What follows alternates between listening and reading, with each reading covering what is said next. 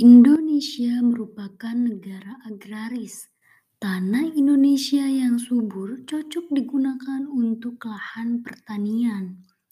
Oleh karena itu, banyak masyarakat yang bekerja sebagai petani.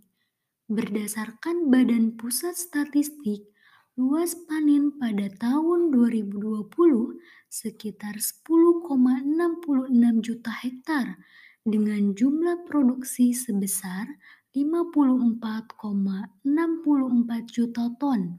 Sedangkan pada tahun 2021 sekitar 10,41 juta hektar dengan jumlah produksi sebesar 54,41 juta ton. Dapat kita lihat bahwa luas panen padi menurun. Hal ini disebabkan oleh alih fungsi lahan pertanian menjadi lahan non-pertanian.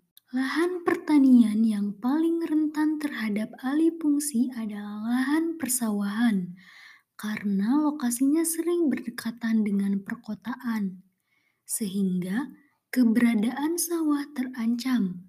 Bahkan, petani pun tidak bisa menggantungkan hidupnya lagi pada hasil panen.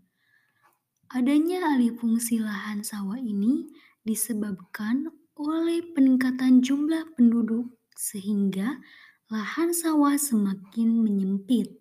Pada saat ini kita bisa lihat yang pada awalnya berupa lahan persawahan beralih menjadi pemukiman dan dibangun perumahan, kawasan industri, jalan tol, dan lain sebagainya. Di satu sisi, Alih fungsi lahan pertanian menjadi kawasan perumahan menambah pemukiman baru untuk masyarakat setempat ataupun masyarakat pendatang. Pembangunan kawasan industri dan juga jalan tol dilakukan untuk meningkatkan kesejahteraan masyarakat.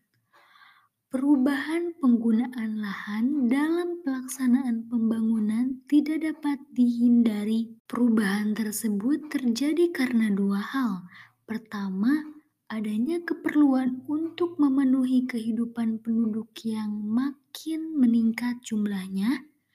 Dan kedua, terkait dengan meningkatnya tuntutan akan mutu kehidupan yang lebih baik. Lantas, apa yang akan terjadi kepada petani jika yang tadinya lahan persawahan yang digunakan untuk memenuhi kehidupannya dan sekarang lahan-lahan tersebut telah berubah menjadi perumahan, kawasan industri, dan digunakan untuk jalan tol.